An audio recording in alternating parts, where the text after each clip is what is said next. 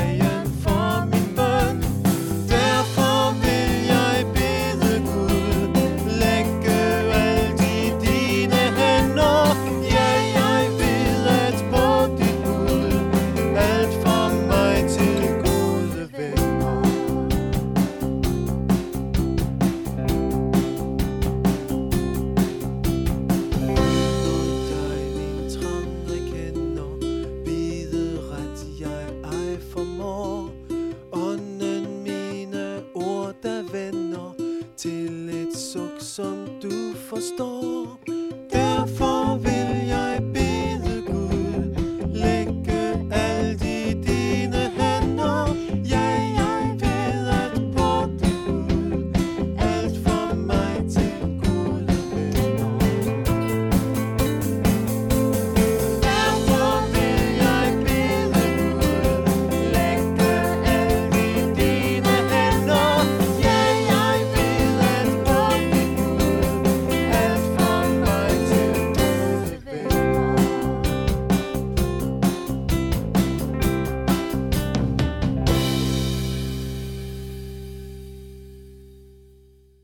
I Lukas evangeliet 18, 9-14 fortæller Jesus lignelsen om fariseren og tolleren, der står i templet og beder.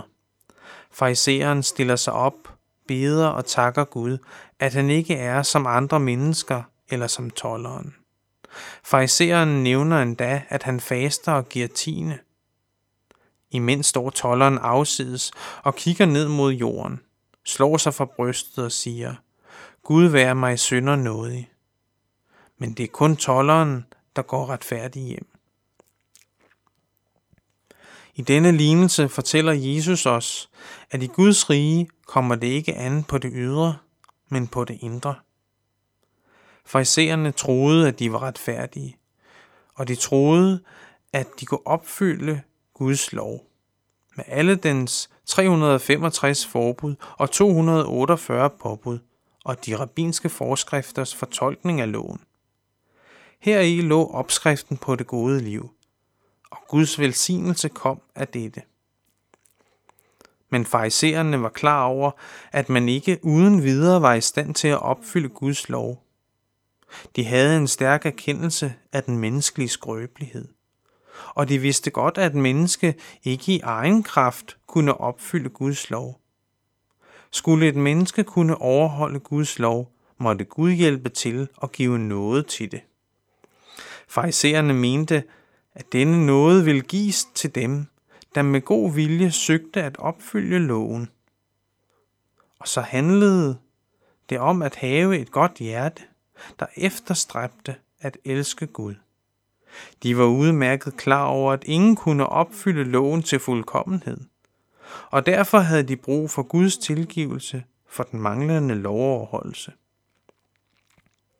I lignelsen om fariseren og tolleren takker fariseren Gud for at han ikke er som de andre mennesker.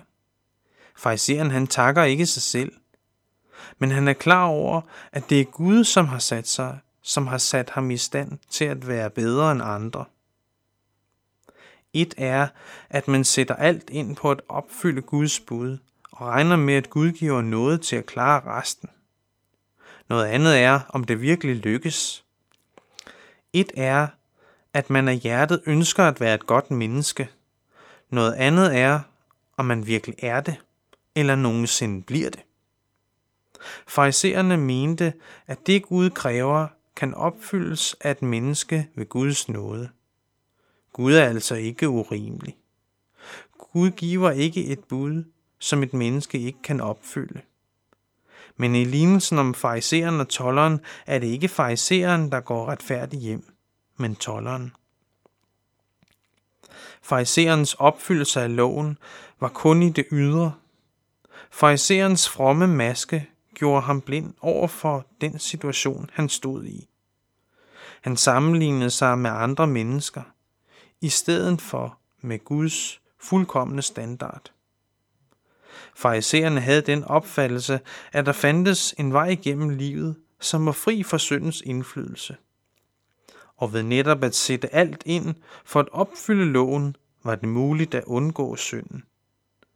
Farisæerne opfattede synden som noget udvendigt, noget der kunne tøjles, noget man kunne have magten over. Men synden kommer ikke udefra. Den kommer fra hjertet. Jesus siger i Matthæus 15:18, til fra hjertet udgår onde tanker, mor, ægteskabsbrud, utugt, tyveri, falsk vidnesbyrd og bespottelser. Det er det, som gør et menneske urent. Synden er oprøret imod Gud. Hvis farisæerne ville frelse sig selv ved loven, så skulle de opfylde hele loven. For den, som ellers overholder hele loven, men fejler på blot et punkt, er blevet skyldig i dem alle. Loven skulle i stedet lukke enhver mund og gøre alle strafskyldige over for Gud. Loven skulle lede til syndserkendelse. Fariseren i templet var faldet så dybt, at han egentlig ikke havde brug for Gud, og slet ikke en frelser. Men det er tolleren, der går retfærdig hjem. Ikke fordi han er retfærdig. Nej, tolleren vedkender sin, sig sin synd og sin skyld over for Gud.